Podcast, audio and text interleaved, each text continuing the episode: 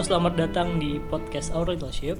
Kembali lagi bersama gue Imam dan buat kalian yang baru bergabung, gue pengen perkenalan dulu. Jadi nama gue Imam. Eh, biasanya gue ngepodcast bareng cewek gue nih. Cuma karena hari ini dia lagi berhalangan buat hadir dan karena kita LDR juga, jadi kayaknya ini kesempatan yang pas banget buat bahas episode tentang LDR. Cuma gue nggak bakal sendiri nih.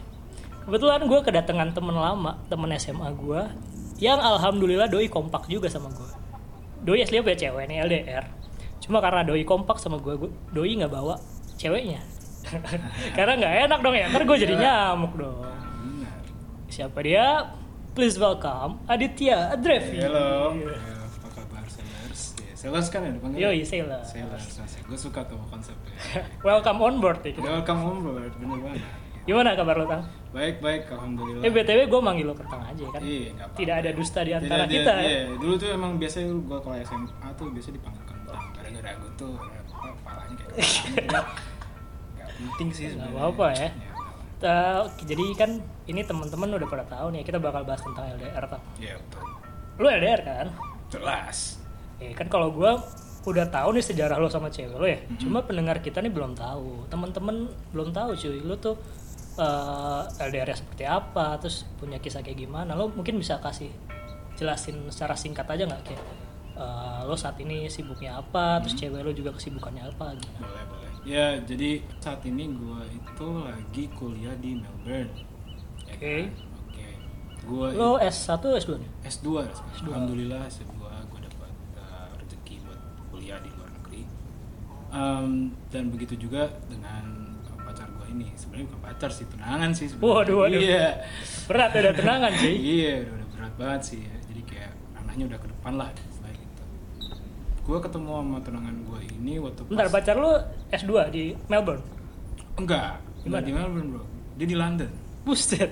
Jadi bentar bentar. Iya. Jadi lo lo di Melbourne, Iya. cewek lo di London. London. Iya. Wah, Lo lo bayangin lebih lebih jauh ya. Iya, Jadi kalau lo tahu gue sama Risma tuh LDR Jakarta Bandung ya. Itu Nah. udah lumayan menguras hati, menguras ember segala macam lah menguras Tuh. doi Melbourne dan London. Iya. Bayangin aja tuh 11 jam bro. 11 jam ya. Kalau misalnya lo dengar uh, lagunya Simple Plan tuh yang jet lag, nah itu tuh gue ngalamin itu semua itu. Ada kayak gitu. Relate banget ya. Iya relate banget. Terus gimana gimana lanjutin deh? Ya jadi kayak gue ketemu sama dia Hmm. itu tunangan gue itu tuh di Surabaya. Jadi gue tuh pernah ikut satu organisasi gitu, organisasi di luar kampus. Nah kita tuh kenalan gitu kan. Kita punya satu perkumpulan. Zaman-zaman gitu. kuliah berarti ya? Iya Jadi- zaman-zaman kuliah satu.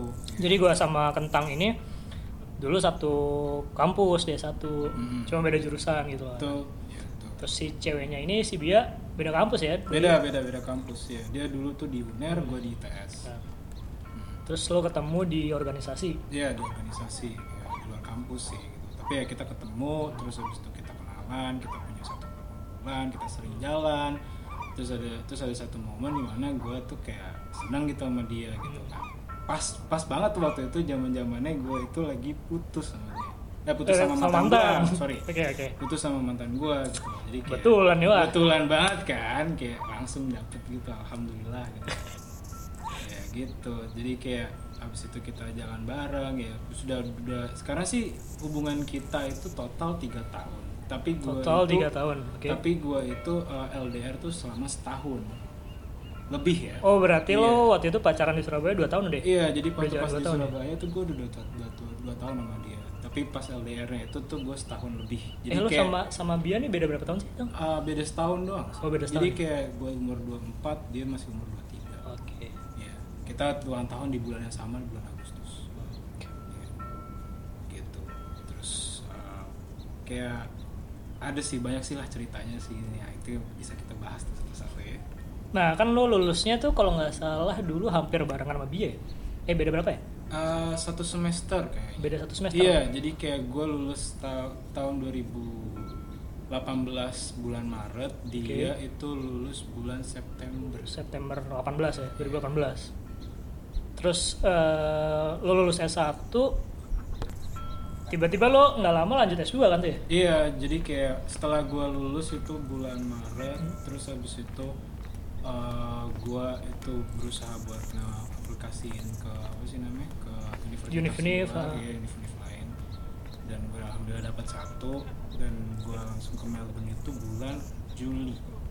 Juli 2018 cepet juga ya Iya, iya, Juli Juli 2018. tapi emang gue penasaran sih lo emang dari dulu emang niatnya pengen study abroad gitu ya Iya, iya, well sebenarnya sih mostly itu gara-gara gue tuh dorongan orang tua sih. Jadi Mhm. kayak gue tuh kayak abroad gitu loh. Setelah gue study abroad itu gara-gara orang tua gue tuh kayak nge- pengen gue tuh nyekolahin S2 di luar gitu kan. oke Nah, belum ada kepikiran tuh. Sebenarnya ada kepikiran sih kayak gue tuh pengennya di Sweden dulu kan. Swedia ya Swedia, iya. Tapi tapi ya uh, rezeki berkata lain, gue Iya, lagi gue akhirnya dapetnya tuh di Melbourne gitu. Hmm, oke dan selama sebenarnya masih a- lama sih kayak si Bia itu untuk kayak dapet di di London. Di London itu tuh dia masuk itu September 2019. setahun berarti ya? Iya kayak setahun. jeda setahun dulu ya Soalnya dia kalau nggak salah iya, sempat kerja juga nggak Iya sih dia? kerja dia dia pernah kerja di uh, tempatnya nyokapnya. Nah, tapi keputusan lo buat tiba-tiba lanjut S2 tuh udah lo pikirin lama apa spontan aja waktu itu? Sebenarnya sih sebenarnya sih spontan sih. Spontan ya? Spontan. Jadi kayak gue tuh nggak begitu mikirin kayak gue mau ke mana gitu-gitu. Jadi kayak sebenarnya kayak kalaupun gue mau ke mana ya gue bilang balik lagi gue pengennya ke Sweden gitu. Hmm. Cuman kayak uh, dapat rezekinya di Melbourne ya sudah gue di Melbourne gitu. Tanpa kepikiran kayak harus kayak berpisah lah sama sama Bia atau gimana nah, gitu ini sih kan. ini yang menarik nih. Nah iya. Bia tahu ini kapan? Lo kan berangkat berangkat kapan berarti? Uh, Juli ya? Juli Berangkat Juli. 2018. Terus lo lulusnya Maret ya? Iya. Lo bilang ini sebelum eh pas kapan tuh? Bilang ke Bia. gua bilang ini eh sebentar tadi gua gua ralat jadi tuh si Bia itu lulusnya Desember 2019 eh 2018 Oh, Desember ya. Bukan September, iya, Desember bukan. ya. Gua baru inget jadi kayak uh, tunangan pertunangan gua itu pas bulan Desember jadi setelah dia lulus baru gua tunangan Oh, Oke, oke. Gitu. Iya, iya, tahu jadi kayak gua Iya, gue masih inget. iya ya. iya iya masih inget kan lo jadi kayak gua tuh udah jalan satu semester di Melbourne Hmm. gue tunangan terus Iya. tuh gue balik lagi ke Melbourne jalan separate ways dulu sementara Jadi dia ini udah jalan satu semester di Melbourne. Mm. Terus pas liburan ya, liburan Iya, liburan iya. semester, doi balik buat ngelamar. cuy. nah iya Jauh tuh. jauh banget lah apa perjuangannya? eh, balik lagi deh tadi gimana tuh? Jadi lo cerita ke Bia gimana tuh? ya Yang aku pengen LDR nih gimana nih? enggak sih gue sebenarnya nggak bilang gitu kayak istilahnya kita tuh sebenarnya udah tahu sih kayak masing-masing dari kita itu bakal ngambil S2 karena tuntutan orang tua gitu. Udah dari awal iya, pacaran? Iya, lo jadi kayak komunikasi pas, ini. Iya, jadi kayak pas pertunangan pun juga kayak istilahnya ada prasyaratnya gitu loh. Hmm, kita oke. tuh bakal nikah setelah kita itu sama-sama udah dapet gelar S2 S2. gitu. Jadi kayak kita tuh udah udah tahu masing-masing gitu loh. Cuman masalahnya tempatnya di mana kita nggak kepikiran waktu itu. Itu juga lo nggak ada lo nggak cerita yang cita-cita ke Swedia itu? Ah, gue coba sebenarnya nggak cerita nggak begitu cerita banyak sih tentang Oh, oke. Swedia. Gue cuma bilang awal sih aku cuma pengen ke Swedia gitu, tapi nggak tahu alasannya kenapa. Terus mendekati detik-detik dia tahu lo bakal kuliah di Melbourne gimana? Nah, itu itu sih kayak istilahnya kayak awalnya sih kita tuh feel excited sih sebenarnya kayak Oke. well there nih gitu gitu Iya. kayak beda ya kalau misalnya sama kayak orang lain ya kalau nggak tahu sih kalau orang lain tapi kayak gue ngeliat orang lain tuh eh, lebih kayak nggak begitu embrace sama long distance relationship gitu kan Hmm.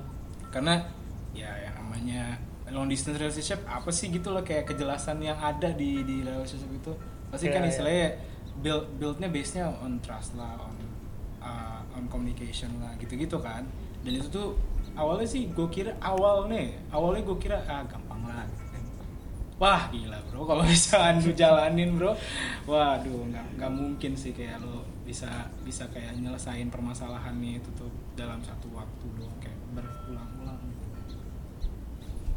Jadi lo kan udah tiba-tiba tahu lo harus di Melbourne gitu kan nah iya terus eh, lo ninggalin dia nih Mm-mm. bulan Juli ya Mm-mm. dia masih dalam keadaan lagi internship di eh, ininya di di Iya, apa, tempat nyokapnya. Magang ya? Magang. tapi magang buat syarat kuliah masih kan? Bukan magang lo maka magang dia lulus kuliah ya? Oh, kayak kerja praktek gitu masih oh, oh sorry sorry sorry.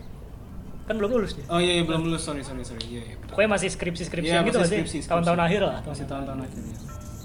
terus tiba-tiba dia mutusin buat S2 juga tuh. Iya dia menjelang mutusin lulus. S2, benar terus kok tiba-tiba milih UK kenapa nggak Nah, nggak Melbourne juga? jadi gini jadi gini. Awalnya itu emang rencananya tuh gue pengen pengen dia juga di Melbourne juga gitu kan. Ya pasti sih. Iya kan? Iya, iya, aw- awalnya gitu. Cuman, cuman kita tuh nggak ngebicarain itu pas sebelum gua belum berangkat ke Melbourne gitu. Hmm, Jadi pas terlanjur udah di, ya, pas gua udah terlanjur berangkat, terus habis itu kayak gua uh, akhirnya kayak gua memutuskan untuk menikah gitu, kayak, Hmm. kayak dapat persetujuan dari orang tua dan kayak per- orang tua juga nge-encourage gitu. Dan akhirnya kita ngebahasin itu gitu. Sayangnya Hmm. jurusan yang dia ambil itu kalau di Australia itu agak-agak ribet gitu. Oh. Jadi kayak menghalangi dia buat masuk ke Melbourne. Gitu. prasyaratnya susah ya. Syaratnya susah soalnya kayak. Tapi kalau misalnya dia ke UK itu jauh lebih mudah dan lebih murah. oke oke lebih affordable lah ya Iya kayak gitu. Oke, tadi udah tentang udah cerita sih gimana awal dia bilang mau LDR sama ceweknya, terus tapi lu sebelumnya udah udah pernah LDR belum sih, Tang? Pernah. Pernah. Pernah sih gue juga ya gue kayak baru keingetan. Tapi masih lokal Jadi, ya? Masih lokal. Udah, negara. udah, udah international love lagi. Beda. Kalau ini tuh udah international love banget, Bro. Kayak nggak tahu kenapa kalau misalkan ya emang sih kayak susah gitu. Tapi meskipun itu lokal zaman dulu atau pas itu kita tuh susah banget gitu loh kayak buat komunikasi. Karena istilahnya mereka dia itu punya eh, mantan gue ya, Hmm. mantan gue. Mantan gue tuh punya ekspektasi yang lumayan cukup tinggi. Lo mantannya kentang. Anjing. Wah, aduh. Kalau ya, ya, ya kalau misalnya lo ngedengerin ya, ya udah nggak apa-apa lah. Yang penting kita mantannya kentang bukan cuma lo ya. Iya, asik. Jangan Asik. dulu.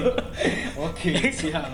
Pokoknya, pokoknya intinya kalau uh, dulu tuh kita kita tuh waktu pas sama mantan gua sama, sama mantan gua itu agak-agak susah gara-gara masing-masing tuh nggak tahu ekspektasinya apa gitu. Jadi Oke. kayak gue sendiri bahkan nggak tahu ekspektasinya gua ke dia apa, dia sendiri juga punya ekspektasi yang tinggi yang nggak bisa gua tangkep. Gitu. Padahal seharusnya kalau dalam hubungan lo harus nge-matchingin itu Iya, ya, tapi jelas. lo nggak temu nggak nemu titik temunya nah dari- itu dari lo berdua. gitu. Nah itu. Oke, oke. Eh, jadi gini teman-teman, gue udah sama kentang udah sedikit cerita-cerita tadi tentang suka dan duka eh, dari LDR. Sekarang kita bakal bahas nih suka dan dukanya tuh apa sih? Karena ini menarik sih kayak LDR tuh susah-susah gampang ya, Tang. Iya bener sebenarnya. banget, bener banget. Kalau lo ngelihat dari prosesnya sih emang waduh berdarah-darah sih susah Iya, banget sih. bener bener bener. Cuma kalau misalkan gue sama Kentang masih percaya sih kalau misalkan kita berhasil ngelaluin proses ini, ya lo bakal punya hubungan yang apa ya, yang kuat lah, yang Iya. yang ya yang kuat lah pokoknya. Yang sebenarnya nggak cuman sebenarnya nggak cuman hubungannya aja sih, kayak ke pribadi personality lu juga. Pribadi lu jadi jadi lebih kuat Hmm, gitu. Lo bakal well develop karena udah ngalamin proses-proses Ah, ini. iya. Gitu. Kalau gitu kita mulai dari dukanya dulu lah ya. Iya, boleh lah. Boleh lah.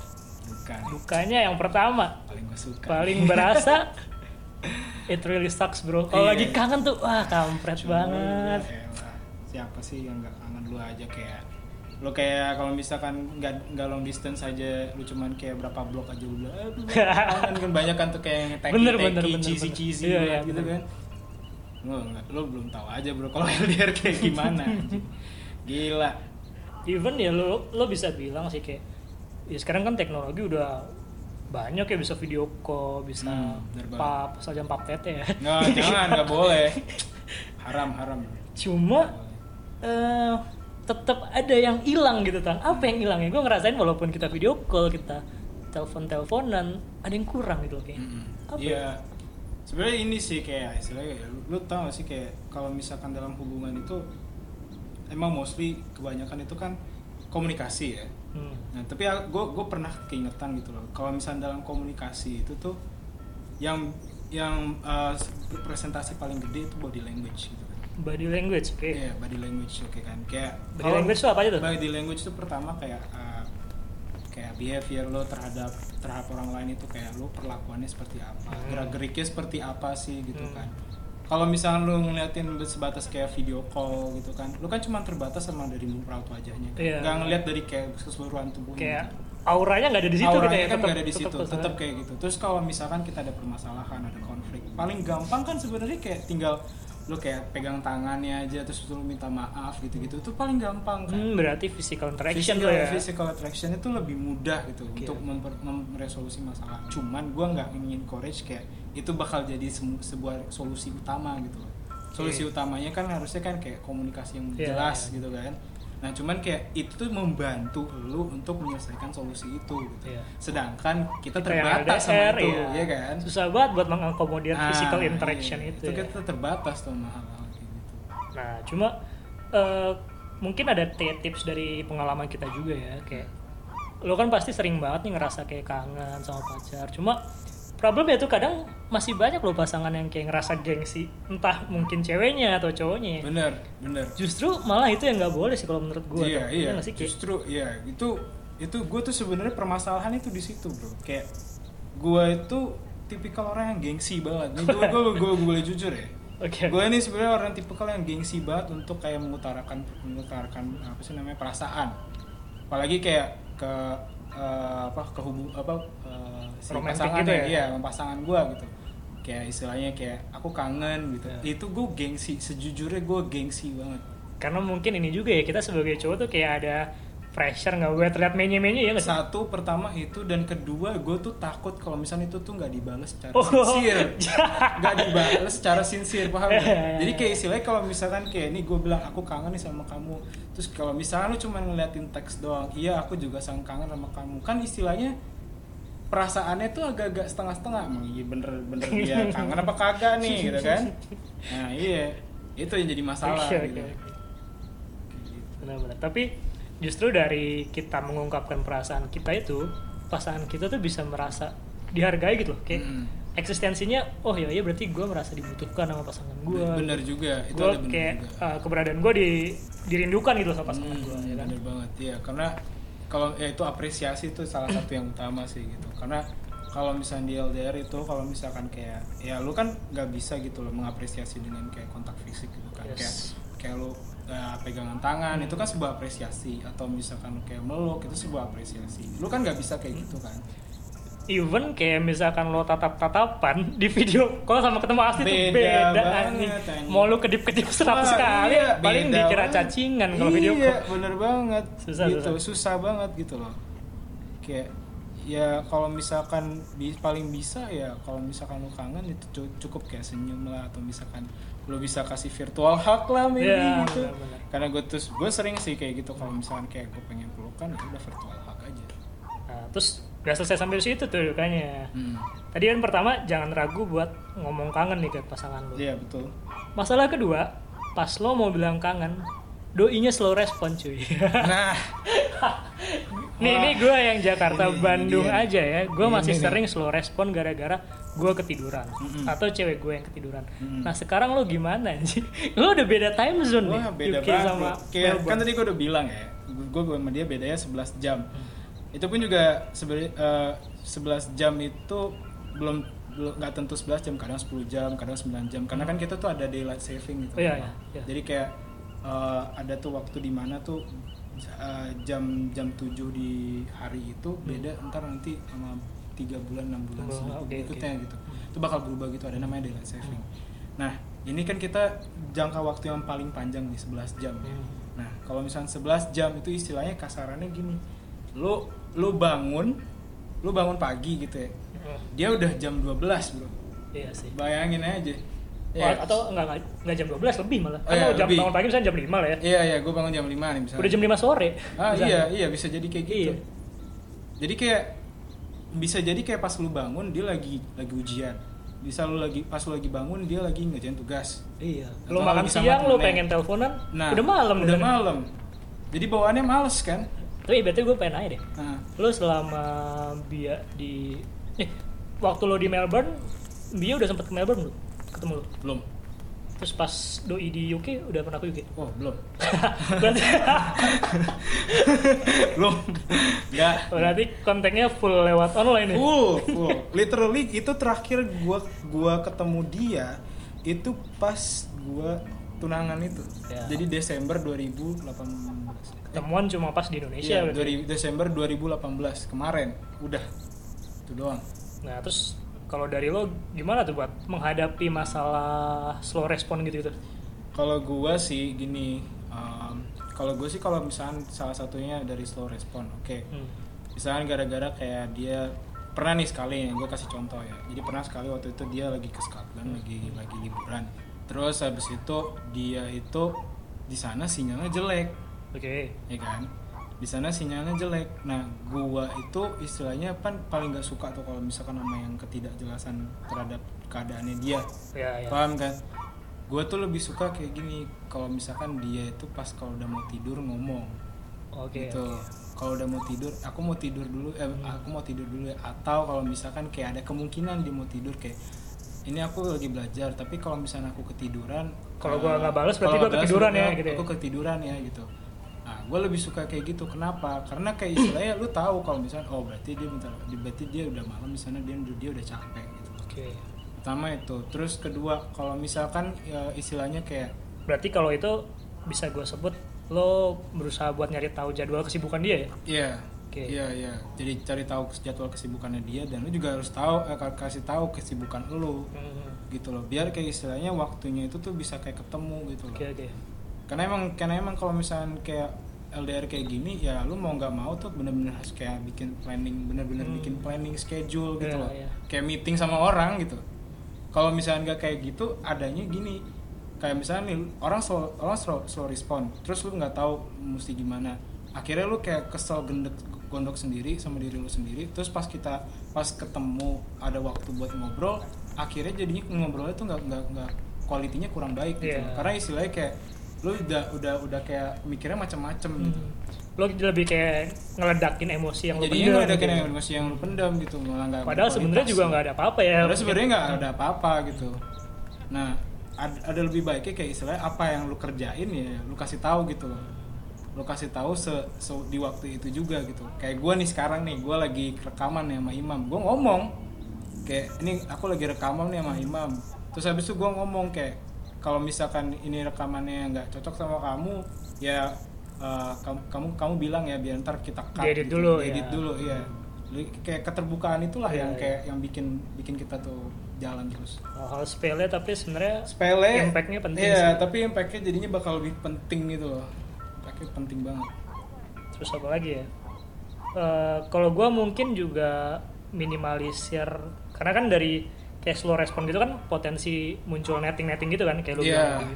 kalau gue mungkin lebih nanemin mindset kayak eh, ya udah kayak apa yang gue mau nggak harus kayak instan langsung terjadi gitu. Iya. kayak misalnya gue pengen perhatian dia ya ya udah gue tunggu dulu kan nggak mungkin juga langsung Hmm, dia bakal balas gitu iya iya Gitu. Terus kira-kira, nah kalau misalnya orang-orang bilang nih kadang kalau misalkan lo kasarnya nggak dapet perhatian dia nih, Mm-mm. ya udahlah cari kesibukan bro. Biasanya orang-orang ngomong gitu tuh. Ya, iya iya iya iya benar benar benar. Jadi tuh jadi tuh sebenarnya gini kayak misalnya lo kayak nggak ada apa sih namanya waktunya tuh nggak nemu nggak nemu gitu. Jadi kayak istilahnya lo lagi waktu kosong, terus habis itu dia lagi sibuk gitu, Mm-mm. ya kan? Pasti kan istilahnya kayak ada kayak keinginan buat kayak ngobrol sama dia terus gitu bener, kan? bener. Nah ya cara utama yang paling paling mujur tuh adalah ya lo cari kesibukan buat diri lo sendiri. Tapi kalau bisa cari kesibukannya buat ranahnya ke buat kalian berdua gitu loh Ya. dalam artian kalau misalnya lu mau cari kesibukan ya kayak lu, lu misalnya gua nih kayak gua gua kan lagi udah di bentar lagi mau lulus Hmm. ya gua harus cari ini dong apa cari kerjaan kan Mhm. nah udah bikinnya bikinnya kesibukan kayak gitu atau misalnya kayak gua suka gua gua berencana mau bikin podcast ya udah bikinnya podcast gitu yang kayak gitu yang kayak gitu gitu Iya, sebenarnya eh, yang perlu lo garis bawahin juga ya, banyak nih kejadian nih tangnya. hmm. Lo mencari kesibukan itu lo jadikan alasan sebagai pelarian gitu. Mm-mm. Ujung-ujungnya lo kayak ngechat cewek-cewek Nah. atau main sama cewek-cewek nah gitu. itu ini gue boleh pengakuan nih boleh nggak gue pengakuan Boleh lah, pengakuan dosa lah gue di sini ya Iya, pokoknya gue tuh juga sering gitu loh kayak kayak gitu gitu kayak gue pelarian gitu gue pelarian sama temen gue kan gue pernah tadi kan gue bilang kayak gue ketemu sama cewek gue itu di kayak uh, perkumpulan Organisasi tem- ya? organisasi itu dan salah satu perkumpulan organisasi itu ada sahabat cewek gue Hmm. Sa- bukan sahabat ce- punya punya cewek eh, sahabatnya si cewek gue bukan tapi sahabat cewek yang gue punya Iya. gitu loh sahabat ceweknya kentang Iya, sahabat cewek gua. Iya, iya benar benar sahabat cewek gua. Nah, itu tapi nggak nggak sahabatan juga sama Bia sahabatan juga sama lo kan Bia. inner circle inner Iya, inner circle circle. juga kan Iya, iya, iya, iya. Jadi sahabatan sama Bia. Jadi kayak jadi kayak pernah nih kayak misalnya itu gue punya banyak masalah gitu sama dia terus habis itu ujung-ujungnya kayak aduh gue capek nih udahlah gue coba gue akhirnya pelarian lah sama sama si sahabat gue ini gitu gue ngobrol-ngobrol-ngobrol-ngobrol gitu gue merasa lah ya. iya curcol gitu kan gue merasa satisfied gitu loh sama Hmm. sama dia gitu tapi pas ketika gue balik lagi sama dia gue jadi merasa dissatisfied sama dia. Kenapa? Karena istilahnya gue ngebanding bandingin diri gue eh sorry banding bandingin dirinya dia sama sama sahabat lo tadi. iya. Oh, oke oke. Dan itu itu tuh nggak nggak nggak sehat gitu loh. Iya iya.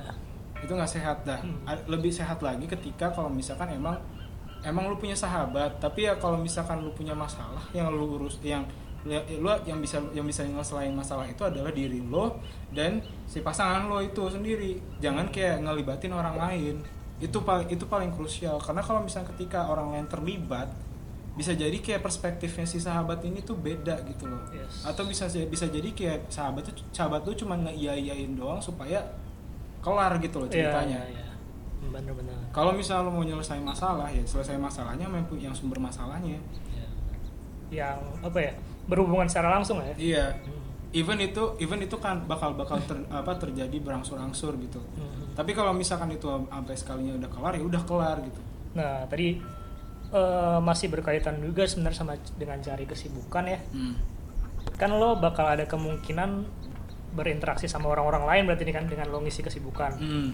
Orang-orang lain ini juga kemungkinan besar di luar lingkaran pertemanan lo sama cewek lo juga. Hmm. Atau mungkin ya at least taruhlah kayak misalkan lo tadi sama sahabat lo ya. Iya. Tapi melibat- melibatkan eh, eh, lawan jenis yang di luar ini lo lah, Iya, hubungan iya. lo. Iya, iya. Nah, berarti sekarang kan kita lebih masuk ke soal kepercayaan ya Iya betul betul banget. antara lo sama si pasangan lo nih. Hmm. Karena ya balik lagi tadi ke kesadaran kayak ya kita punya tetap punya dunia masing-masing gitu loh selain di luar hubungan kita. Iya betul betul. Lalu pernah nggak sih merasa dicemburuin atau lo yang cemburu gitu? lo tipe yang mana nih, Tan? ya kalau ini gue aduh balik lagi deh gue gue, gue suka banget main Ini gue deskripsiin ya. dulu ya. Ini kentang nih orangnya badannya gede, brewokan. Kira-kira tim yang tim yang cemburuan atau dicemburuin? Aduh, gue kalau gue sendiri sih gue mengakui gue tipe kalau orang yang sangat cemburu gitu. Gue bahkan lebih Yang cemburu nih? Yang cemburu gitu Oke. karena karena gue gue gue kalau gue ngebandingin sama pat- uh, tunangan gue, Ah, gue lebih jauh lebih cemburu gitu. ah, Kayak kayak even kayak dia pernah tuh kayak jalan ke Bristol. Oke. Dia jalan ke Bristol sama temen-temennya ada satu cowok Hmm. Terus habis itu, nah itu kan si cowok itu sebenarnya cowoknya pacarnya orang lain gitu kan? Mhm. Ya pacarnya orang lain. Tapi Udah punya pacar berarti kan udah, dia. iya dia udah punya pacar. Tapi pas pas pas dia ngeposting ngeposting Instagram kayak apa sih istilahnya kayak dia di sebelahnya jadi gitu maksudnya Kebetulan berduaan. enggak ber- enggak, Kayak enggak maksudnya berduaan, eh, jadi kayak berdekatan gitu ya. berdekatan ya berdekatan pas lagi di pas lagi di foto apa sih namanya di foto Instagram bareng-bareng gitu lah. bareng gitu nah terus habis itu gue bilang "Nah, aku tuh cemburu sebenarnya tuh aku nggak suka sama sama hal itu kamu bisa nggak kayak agak-agak jauh eh, gue tuh kayak gitu men parah kan parah banget emang asli Sana foto ulang. ya mungkin mungkin tunangan gue kalau dengerin bi kalau misalnya kamu ngedengerin ya ya emang gitu kan ya aku kan ya ya maafin maafin aku ya ya emang emang kayak gitu gitu Lebih cemburuan berarti ya. Iya, gue tipe orang cemburuan. Nah, kan gue tuh udah tak, gue gue tahu gue cemburu. Dia juga udah tahu gitu. Tunangan gue Hmm. tuh udah tahu cemburu. Dan istilahnya kayak ini tuh bakal berangsur-angsur gitu. Dan akhirnya pada akhirnya itu kita tuh Hmm. apa mendecide untuk kayak ya udah kalau misalkan kayak gini ya kalau gitu kalau misal eh, kamu kamu tinggiin apa trustmu gitu. Dia bilang gitu ke gue si Bia. Dia- Oh, dia- berarti masalah kepercayaannya sebenarnya ada kayak kadar-kadarnya juga. Iya, ada ya. kadar-kadarnya Dan- gitu. Dan lo berdua harus kayak realize masing-masing gitu loh kayak level trust level lo ada di mana. Nah, Terus sama kayak trust issues yang sering lo rasain yang membuat lo insecure tuh harus apa-apa aja harus eh, diutarakan bener-bener apa bener-bener secara gamblang gitu loh Hmm. kayak misalnya kayak lo kalau misalnya nggak suka hal-hal hal-hal kecil aja gitu yang kayak kelihatan itu nggak suka ya lo omongin aja gitu loh Hmm. karena kalau misalkan nggak diomongin itu tuh bahkan berlarut-larut kayak istilahnya kayak lu ya udah ya udah aja oh ya udah nggak misalnya ya udah tuh maksudnya oh ya udahlah nggak apa-apa Ya, cepet kelar gitu ya. oh ya udahlah nggak apa-apa gitu dong oh ya udah nggak apa-apa akhirnya itu tuh menumpuk gitu Yes. Hal-hal kecil gitu yang yang itu tuh menumpuk dan akhirnya tuh menjadi besar dan ketika itu bakal meledak udah selesai. Nggak akan bisa lu selesain gitu permasalahan itu gitu. Nah jadi kayak lebih baik kayak lu kalau misalnya udah, udah, udah lu kerasa sedikit aja gitu ngomong gitu. Jadi kayak dan oh ya balik lagi ke level of trust ya. Jadi kayak ketika ketika level of trust lu lu ngerasa contoh misalkan lah level of trust lu nol misalkan. Oke. itu itu kan paling worst kan ya nggak mungkin Insecure pasti ada- sekali. itu sangat insecure insecure banget orang itu kan kayak level of trust lu nol gitu. Tapi kayak counterparts lu atau misalkan pasangan lu tuh punya level 100 gitu. Hmm. nah gimana sih caranya supaya kayak trust itu tuh kebentuk bareng-bareng? Nah ini kalau di, di gua secara opini secara opini pribadi yang yang trustnya levelnya nol itu itu tuh ke 50 nah yang si trustnya level 100 itu Nurunin ke 50 dikit. juga Oh, 50 juga, juga. Ah, sorry 50 juga supaya dia tuh level level of trustnya tuh ah, di awal-awal sudah ketemu 50% Hmm, 50% oke, oke, oke. nanti ke depannya itu tuh bisa dia naik Naikin secara perlahan-lahan. bareng-bareng itu yang bikin kayak bikin trustnya itu tuh jadi bagus gitu. Oke. bikin level of confidence-nya dari pasangan itu tuh jadi lebih bagus gitu Berarti tapi eh, lo pertama berdua harus sadar dulu ya dan lo harus kayak ngakuin kayak level of trust lo. Itu udah, eh, udah di level mana terus juga setelah itu lo harus komunikasiin berdua tuh. Iya. kayak apa sih yang membuat lo insecure? Itu juga harus lo komunikasiin secara terbuka dan kalau bisa kepala dingin sih ya karena iya. kadang kayak hal-hal gitu kan sebenarnya sangat personal dan sensitif gue bilang ya. Benar, benar. kayak setiap orang tuh beda-beda. Pasti semua orang tuh juga punya egonya masing-masing buat eh, apa namanya buat maksain bahwa ya kehendak gue tuh kayak gini-gini kan. Hmm. jadi kalau misalkan nggak kepala dingin tuh kayak rawan banget berantem gak sih tuh Iya benar-benar. Ya gitu saran saran gua sih kalau misalkan lu kayak pengen kan tadi kan oh ikut gue belum bilang sih. Tadi tuh kalau misalkan lu mau apa sih namanya ngomong sama pasangan lu buat kalau Hmm. misalkan menghadapi apa sih hubungan LDR gitu ya. Hmm. Kalau misalkan lu uh, lu pengen kayak ngobrol atau apa gitu, saran gue tuh set date gitu loh. Maksudnya kayak kayak lu cari cari waktu buat kayak bikin quality time bareng-bareng kayak langsung aja set date gitu loh nggak usah mikir kayak eh eh, ah udahlah iya ya udah ntar ya udah ntar malam aja oh iya deh ntar ntar siang aja itu itu nggak akan nggak akan istilahnya nggak akan nggak akan mungkin eh, ada kemungkinan besar bukan nggak akan mungkin sih. Ada kemungkinan besar itu tuh bakal ke cancel. Kenapa kenapa kayak gitu? Karena ya lu bisa ta- eh, bi- bisa jadi bisa jadi si eh, salah satu dari pihaknya itu ada yang capek gitu kan. Iya, iya. salah satu pihak itu lagi ngap- ngapain gitu se- sehingga jadi nggak bisa akhirnya ke mundur-mundur terus nah kalau misalkan lu udah ngeset waktu kayak misalkan nih kayak tanggal 17 sekarang kan tanggal 17 Hmm. tanggal 17 jam jam 5 jam 5 kita nanti ngobrol-ngobrol ya gitu. Dan dengan dengan sespesifik itu kan istilahnya kan sama-sama dua-duanya udah sepakat gitu. Kalau misalnya udah apa eh, udah dapat kesepakatan ya mau mau nggak mau setelah dari perbincangan itu ya lu harus penuhin gitu kan. Oke. Nah setelah dulu lu penuhin lu bisa dapat itu kayak eh, apa quality time bareng sama sama pasangan lu gitu Jadi eh, intinya kalau yang gue tangkap sih mungkin ini kan membicarakan ke arah eh, perjanjian gitu ya komitmen sih ya. Iya. Jadi kayak lo berdua harus tahu gitu kalau lo akan membicarakan komitmen itu gitu Iya, kan. Nah emang kalau membicarakan komitmen tuh kayak butuh mood yang enak, mood yang bagus Nah, iya bener. kan. Jadi kayak ya lo memang berdua harus tahu gitu lo bakal Hmm. membicarakan itu terus lo berusaha buat ngebangun moodnya juga. Jadi biar pas perbincangan ya lo udah siap gitu lo buat Iya. ngomongin soal itu. Iya, Nggak ada lagi yang kayak mengelak apa-apa. kan. Nah, nah, kalau misalkan kalau misalkan lu pada nggak misalnya nggak mood tiba-tiba Hmm. gitu kan, misalnya either kayak lu dapat kerjaannya susah, atau misalnya kayak lu capek mau kerjaan, punya bad day lah ya punya bad day lah gitu. Jadi istilahnya apa yang sudah lu tar, udah lu set itu tanggal yang sudah lu set itu jadinya akhirnya kayak bikin bikin lu tuh kayak ragu gitu loh. Ini bisa nggak sih kita ngobrol ba- ba- bagus-bagus?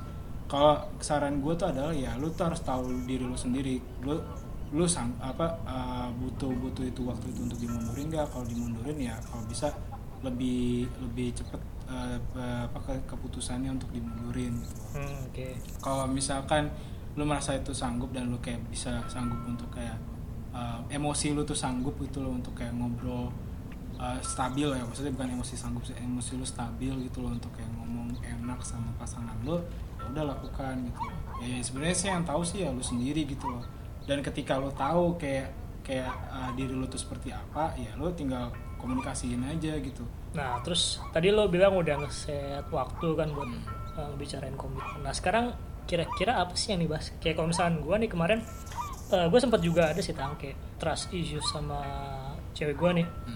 Ya pokoknya pada saat dia kayak keluar malam gitu ya, gue kan jujur merasa insecure sih kalau misalnya Iya. cewek gue tuh keluar malam bener. sama temen-temen yang gue juga nggak kenal sebenarnya. Temen-temennya nah, dia gue nggak kenal. itu salah satu tantangannya. Mm-mm, mayoritas cowok-cowok juga kan ya lo bayangin aja. Gimana? Iya lah. gimana gue nggak bakal ngamuk gitu sih. Nah, ngamuk lah pasti Nah, terus- gua, gua paham banget. sejak kejadian itu gue jadi bikin eh, rules gitu ya sama sama cewek gue yang eh, kira-kira ngebatasin tentang interaksi kita sama lawan jenis. Hmm. jadi sebenarnya gue ganti-gantian sih kayak poin pertama dari gue poin kedua dari Risma terus poin ketiga dari gue cuma kita berdua harus eh, komit harus sepakat sama Betul. semua ini. Iya, jadi dia pun waktu gue ngasih poin kayak dia terima apa enggak gue Hmm. nanya pendapat dia dulu. Betul. kalau lo gimana tuh? Lo bikin gitu juga tuh Kalau gue ya beda-beda tipis sih sama sama lu ya. Kalau misalnya lu kan kayak istilahnya kayak uh, komitmen apa boundaries kayak Hmm. gitu. Nah kalau kalau gue sih istilahnya gue nggak ganti-gantian tapi istilahnya kita nge-list bareng-bareng Hmm. boundaries apa yang kayak yang kayak dimiliki sama diri masing-masing. Hmm. Setelah itu dipaduin. Hmm. Jadi kayak istilahnya tahu oh ternyata kayak gini, oh ternyata kayak gini. gitu. Nah lu juga sebenarnya nggak menutup kemungkinan gitu loh buat negosiasi. Ya, paham gak ya, sih benar. kayak istilahnya selama kayak istilahnya lu rasional gitu negosiasinya rasional tuh nggak apa-apa. Dan kesepakatan bersama ya yang pasti. nah di di dalam negosiasi ini ya kalau bisa sih ego lu boleh sih. Ada ego itu sebenarnya boleh. Cuman kalau misalkan lu ego lu tuh masih terlalu tinggi gitu nah itu tuh yang susah. Karena istilahnya kalau ego lu tinggi terus habis itu dia nggak dianya kayak selalu uh, ma- mas- masih masih syukur kalau dia masih mau nerima. Kalau misalkan dia nggak nerima secara diam-diam. Iya benar. nah itu yang lebih bahaya. Kalau dia frontal tuh justru enak ya masih bisa Iya masih enak jadi ya. kayak istilahnya ya nggak apa-apa maksudnya kita tahu lo nggak sukanya di sini iya gitu. kalau misalnya masih ada konflik Tapi kalau udah apa-apa. diem-diem tuh kayak kalau udah diem-diem berarti kan istilahnya dia nggak sebenarnya nggak nerima tapi akhirnya diem-diem dia belakang ngapain iya gitu nggak sehat kan kayak gitu Selama lo pendem sendiri nggak sehat bagi diri lo, pas lo nggak bisa nahan meledak nggak baik buat hubungan lo Nah, juga. iya kan? bener banget kayak gitu Nah, terus tadi kan berarti kita udah sepakat kan kayak harus ada harus ada deep talk lah mengenai kesepakatan itu ya. Hmm. Tapi ini kan ini gue penasaran ya. Lo karena nggak pernah jarang banget kan belum pernah ketemu sama dia kan selama lo LDR. kan? ya nggak pernah Berarti kata lo cuma lewat eh, fit call atau Video voice call lah. ya. iya. Pernah nggak sih lo kayak misunderstanding pas lagi nelpon gitu? sering sering banget anjir kayak apa sih hal-hal yang sepele gitu loh kalau misalnya kita punya konflik ya kita punya konflik terus habis itu salah satu dari di antara kita tuh nah ini nih komunikasi itu tuh hal yang menurut menurut orang lain tuh sebenarnya gampang gitu. tapi sebenarnya tuh gak gampang Wah, tricky lah. ya. tricky jadi kayak istilahnya misalnya gini kayak nih gue gue ya sama sama lu mungkin kayak kita itu ada di level yang sama gitu. Kita tuh kayak makanya kenapa kayak kalau misalnya kita ngobrolin soal kayak hubungan gitu tuh kan kayak ada, ada klik-kliknya gitu kan Yes. nah cuman kalau misalkan kayak lu ngomong sama orang yang beda gitu di lingkungan yang dia dia develop lingkungan eh, terdevelop sama lingkungan yang beda sama kita itu tuh bakal susah gitu loh mam jadi kayak istilahnya kita tuh harus ngikutin bahasanya dia dan ketika dia tuh kalau ngomong dia tuh harus ngikutin bahasanya kita Oke oke. paham nggak Jadi even jadi, ya, begini gue jelasin dulu bentar ya. Jadi kalau menurut Kentang nih, kayak komunikasi itu kan sebenarnya proses pertukaran informasi ya iya, antara dua orang. Nah, bener. tapi ca- berarti kalau pertukaran kan ada memberi ada menerima informasi gitu Iya, kan. Nah, bener cara secara setiap orang dalam menerima atau memberi informasi itu beda-beda gitu loh. Even padahal sebenarnya pada asa pada dasarnya itu lu tuh masih pakai bahasa Indonesia. Iya gitu benar, kan? eh, masih satu bahasa Iya. tapi eh, cara nangkepnya tuh juga bakal Beda, beda-beda. beda. Itu dia. Nah, Itu agak-agak tricky. Jadi kayak lo benar-benar harus kayak kasih tahu apa yang sebenarnya kayak pengen lu dengar dan si pas jadi si pasangan itu juga harus ngasih tahu dia kita tuh seharusnya ngomongnya kayak gimana Oh, I see. gitu loh nah itu itu tuh penting kayak sebenarnya kayak ke- kelihatannya trivial ya Hmm. tapi sebenarnya itu menurut gue sih penting gitu loh kayak istilahnya kalau misalkan untuk kayak mengutarakan con- contoh kayak misalnya kayak gue tuh ngasih tahu buat jangan pulang malam-malam gitu kan Hmm. Uh, beda kan sama kayak gue juga uh, sering banget kayak iya gini. iya kan jangan pulang malam-malam nanti kamu kayak gini nanti kamu kayak gini kan kita selalu kayak gitu Iya. karena basically kan base basisnya tuh adalah kita khawatir Iya benar. kan dari instead of kayak jangan pulang malam-malam gini-gini terus kenapa lu nggak bilang kayak "Uh, sayang aku khawatir kalau misalkan ini boleh nggak kalau misalkan pulangnya agak dicepetin Hmm. beda kan Iya iya. itu lebih apa sih namanya lebih kena Karena- gitu loh lebih iya, soft iya. gitu kan Yang ya, kalau yang sebelumnya yang pertama tuh kayak gue yang nangkep tuh kayak lebih ke Iya. mengekang gitu. mengekang jadi kayak lu otoriter gitu loh lu menunjuk gitu loh Hmm. gitu kan jadi kayak orang kalau orang kalau ditunjuk kan terintimidasi Iya, iya. Oh tadi kelupaan sih. apa ya? Kalau lu pernah dicemburuin gak nih? Oh iya, bener banget. Nah ya, waktu itu waktu itu dulu gua nggak pernah jarang banget sih dicemburuin kayak gue tuh. Ini sebenarnya gue yang gue senang dari dari apa tunangan gue ya. Tunangan gue tuh paling trusting banget lah. Orangnya orang yang paling trusting banget.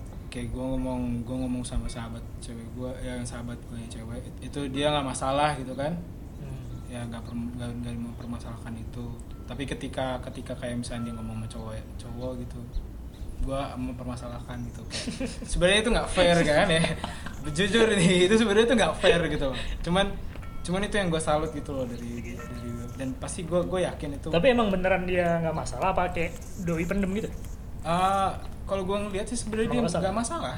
nggak masalah karena emang emang basisnya tuh dia tuh built on trust gitu loh Oke oke.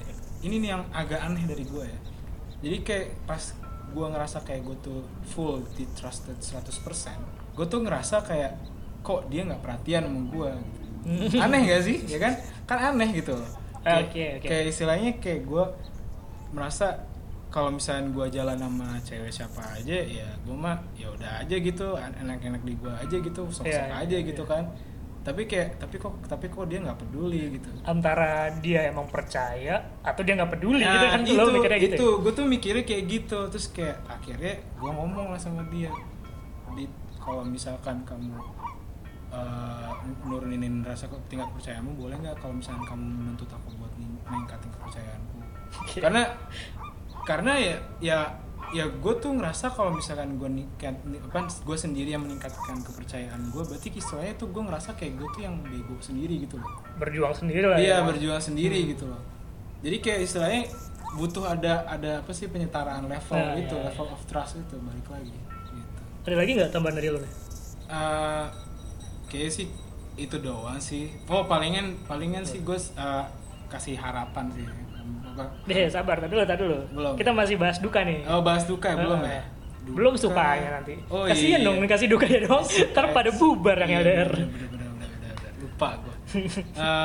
dari duka sih kayaknya sih itu aja sih kayak istilahnya kayak menyetarakan komunikasi, menyetarakan trust dan apa sih namanya ya trust itu sih yang paling utama. Kurangnya nggak physical kurangnya interaction juga. ya, physical attraction juga tuh nggak bisa. Oke, kita cukupi soal dukanya ya. Iya. Sekarang gue pengen ngasih angin seger sih ke kalian nih. Jadi kan tadi kita udah bahas susah-susahnya tuh proses berdarah-darah dari LDR. Iya benar. Cuma kalau misalkan lo udah bisa ngelaluin proses ini nih, lo laluin uh, dengan serius ya, lo komit sama pasangan lo, bakal banyak enaknya juga sih sebenarnya ya. Hmm. Yang pertama ya gue kasih contoh ya. Menurut gue ya, gue tuh lebih menghargai makna dari kepercayaan itu sih sebenarnya. Betul. Gue ngehargain banget proses kayak nge-build trust sama pasangan gue. Karena sebelumnya gue tuh tipe orang yang cuek sih kayak uh, menurut misalnya menurut gue A, terus menurut orang lain B, ya udah gue nggak bakal peduli. Hmm. Ya terserah lo, lo mau jalan Iya, B iya. sendiri juga lo mau nyungsep Iya. sendiri juga nggak gue nggak nggak peduli. Tapi kosan kayak udah sama pasangan, kayak gue pengen pasangan gue Ikutin. eh, ya sama-sama jalan ke arah yang sama gitu sama Iya, gue. iya. Jadi gue berusaha buat meyakinin dia juga. Kalau menurut lo apa lagi nih? Kalau menurut gua sih ya, kalau gua itu gua lebih lebih bisa uh, lebih ke pengembangan pengembangan diri juga gitu. Karena Hmm. dari dari dari gua sendiri ya suka sukanya gua sama long distance relationship itu adalah kayak gua tuh belajar banyak tentang komunikasi. Gua belajar banyak tentang confidence sama trust. Hmm. Karena itu dari dulu tuh itu yang paling paling buruk yang uh, yang, yang yang yang ada di diri gua gitu jadi kayak istilahnya dari dari kayak udah udah setahun perjalanan ini gue tuh belajar banyak tentang hal itu gitu dan itu mungkin lo nggak nggak belum lo dapetin pas lo masih barengan sama dia gitu ya? Iya belum belum sama sekali jadi kayak istilahnya tuh gue nggak ngerti namanya trust gue nggak ngerti namanya confidence dulu tuh waktu pas sebelum dia gue jadian sama orang lain itu tuh gue nggak nggak ngerti gitu loh kayak istilahnya kenapa sih kenapa harus ini kenapa harus kayak gini kayak apalagi tuh sebelum mau- LDR ya ah, ah, gue tuh kayak jadi kayak maunya sendiri selalu maunya sendiri sekarang gue udah kayak udah mengurangi hal itu gitu insya Allah Hmm, terus juga apa ya mungkin lebih ke kontrol emotion juga kali ya Iya, iya emotion apa sih ya? Emosi lu jadi bisa ke kontrol. Jadi kayak istilahnya Iya. karena karena lu lebih sering-sering apa sih namanya self reflection gitu loh, Mam. iya benar Jadi kayak lu sering-sering kayak apa sih namanya eh, mengetahui emosi yang ada di dalam diri lu tuh saat itu apa. Mm-mm, bukan cuma kita tapi kita juga berusaha buat Mengerti tahu pasangan kita tuh lagi ngerasain kita, apa. eh, Emosi pasangan kita tuh seperti apa. karena bayangin aja deh kita tuh cuma bisa eh, taruhlah video call gitu ya Iya. terus kalau misalkan doi berantem udah nggak mau diangkat. Iya. Sedangkan kalau misalkan kita barengan nih kan? Ya udah bisa masih bisa dirayu-rayu kan. Ah. didatengin rumahnya. Kalau nggak kalau cuma telepon ya udah. Lu berantem ya udah Ya, kelar. tinggal iya tinggal lu nunggu dia. tinggal, tinggal itu membaik tutup dulu. Aja, iya, tinggal iya. tutup aja teleponnya. Jadi gue bener-bener berusaha ngejaga emosi ngejaga mood itu biar bisa tetap eh, interaksi komunikasi sama dia gitu. bener, banget. Terus juga kita kayaknya lebih belajar buat menghargain proses ya. Iya. Terus- set target. iya gitu. benar terus juga lebih sering kayak ngeevaluasi nih kayak eh, setelah sekian lama barengan kayaknya apa sih yang harus masih harus diimprove gitu gitu masih tang Iya, sama satu lagi komitmen, Mam. Itu yang paling Komitmen, yang, ya? yang essence dari LDR tuh komitmen. Karena kan yang sebenarnya dari semua hubungan juga sih Iya. cuma karena karena LDR jadi karena LDR jadi kayak lu udah apa sih eh, komitmen lu tuh lebih, ter, lebih Teruji lah. teruji gitu kayak istilahnya kalau gue sih nangkep nangkep kayak gue kepisah sama tunangan gue 11 jam itu ya karena ini sebuah ujian gitu karena jujur dulu tuh zaman zaman dulu gue tuh sama komitmen tuh agak-agak susah bukan bukan komitmen sama hubungan ya tapi komitmen sama pribadi gitu loh dan itu tuh kayak se- sedikit demi sedikit tuh terdevelop dari gara-gara hubungan ini Nah, ngomong-ngomong soal komitmen nih kan berarti lo harus bisa ngejaga komitmen lo kan. hmm. Eh, kalau dari gue sendiri sih mungkin lebih dengan cara lo nginget-nginget lagi kayak goal sebesar apa sih yang lo buat sama pasangan lo gitu misalkan. Karena kan kayak berantem atau masalah-masalah itu kan pasti sering banget kan kejadian sering, pacaran. sering banget ya Nah, kalau misalkan lo nggak bisa uh, ngebayangin goals besar lo, Hmm. si halangan-halangan itu pasti udah nutupin gitu. Pasti lo bakal mikirnya kayak, ah ya udahlah bubar aja lah. Ya gitu iya. kan. selalu itu sering juga tuh kayak gue tuh kepikiran kayak gitu ah, udahlah bubar aja udahlah Hmm, bubar kena, aja gitu kan. kena permasalahan dikit. nah kena permasalahan dikit pengennya udahlah bubar aja gitu kan. Soalnya gampang kan kayak gue bubar gitu. Ya lu tinggal cari lagi aja yang ada di, di Hmm. lo apa yang di dekat lo gitu kan. Sebenarnya sih nggak gampang sih. Cuman maksudnya sebenarnya gak gampang sih.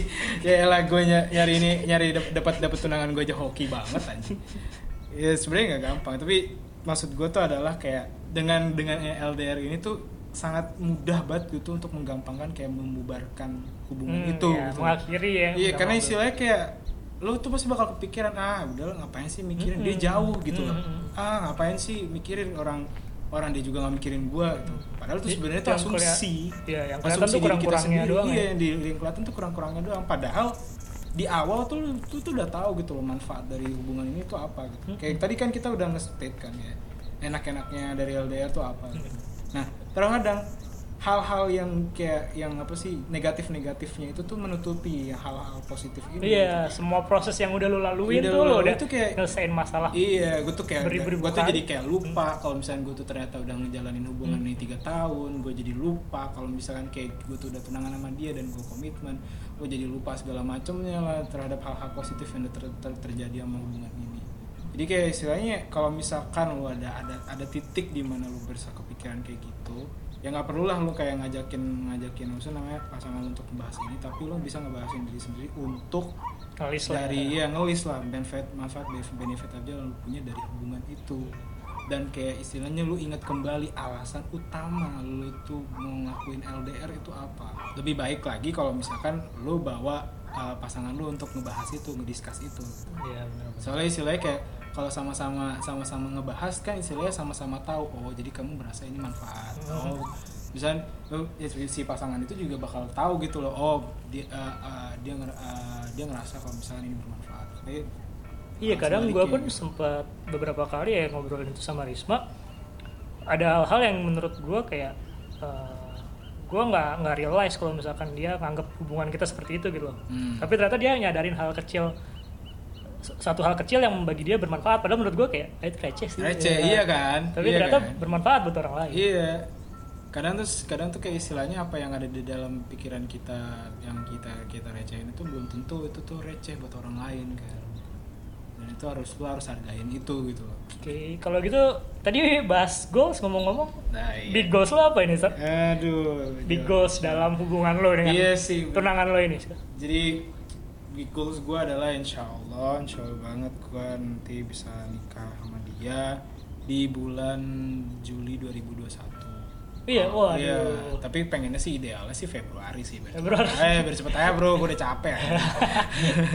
Ini kita aminin bareng-bareng kali ya. Amin, amin. Semoga lancar sampai uh, ke pernikahan. Pernikahan ya.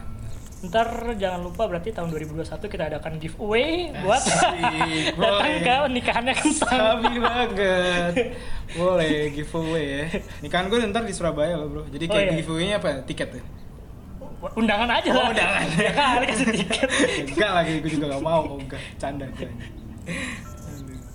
Terus uh, itu tapi lo insya Allah udah kelar kuliah ya? Iya, insya Allah gue kelar kuliah tuh bulan Agustus, dia kelar bulan Desember.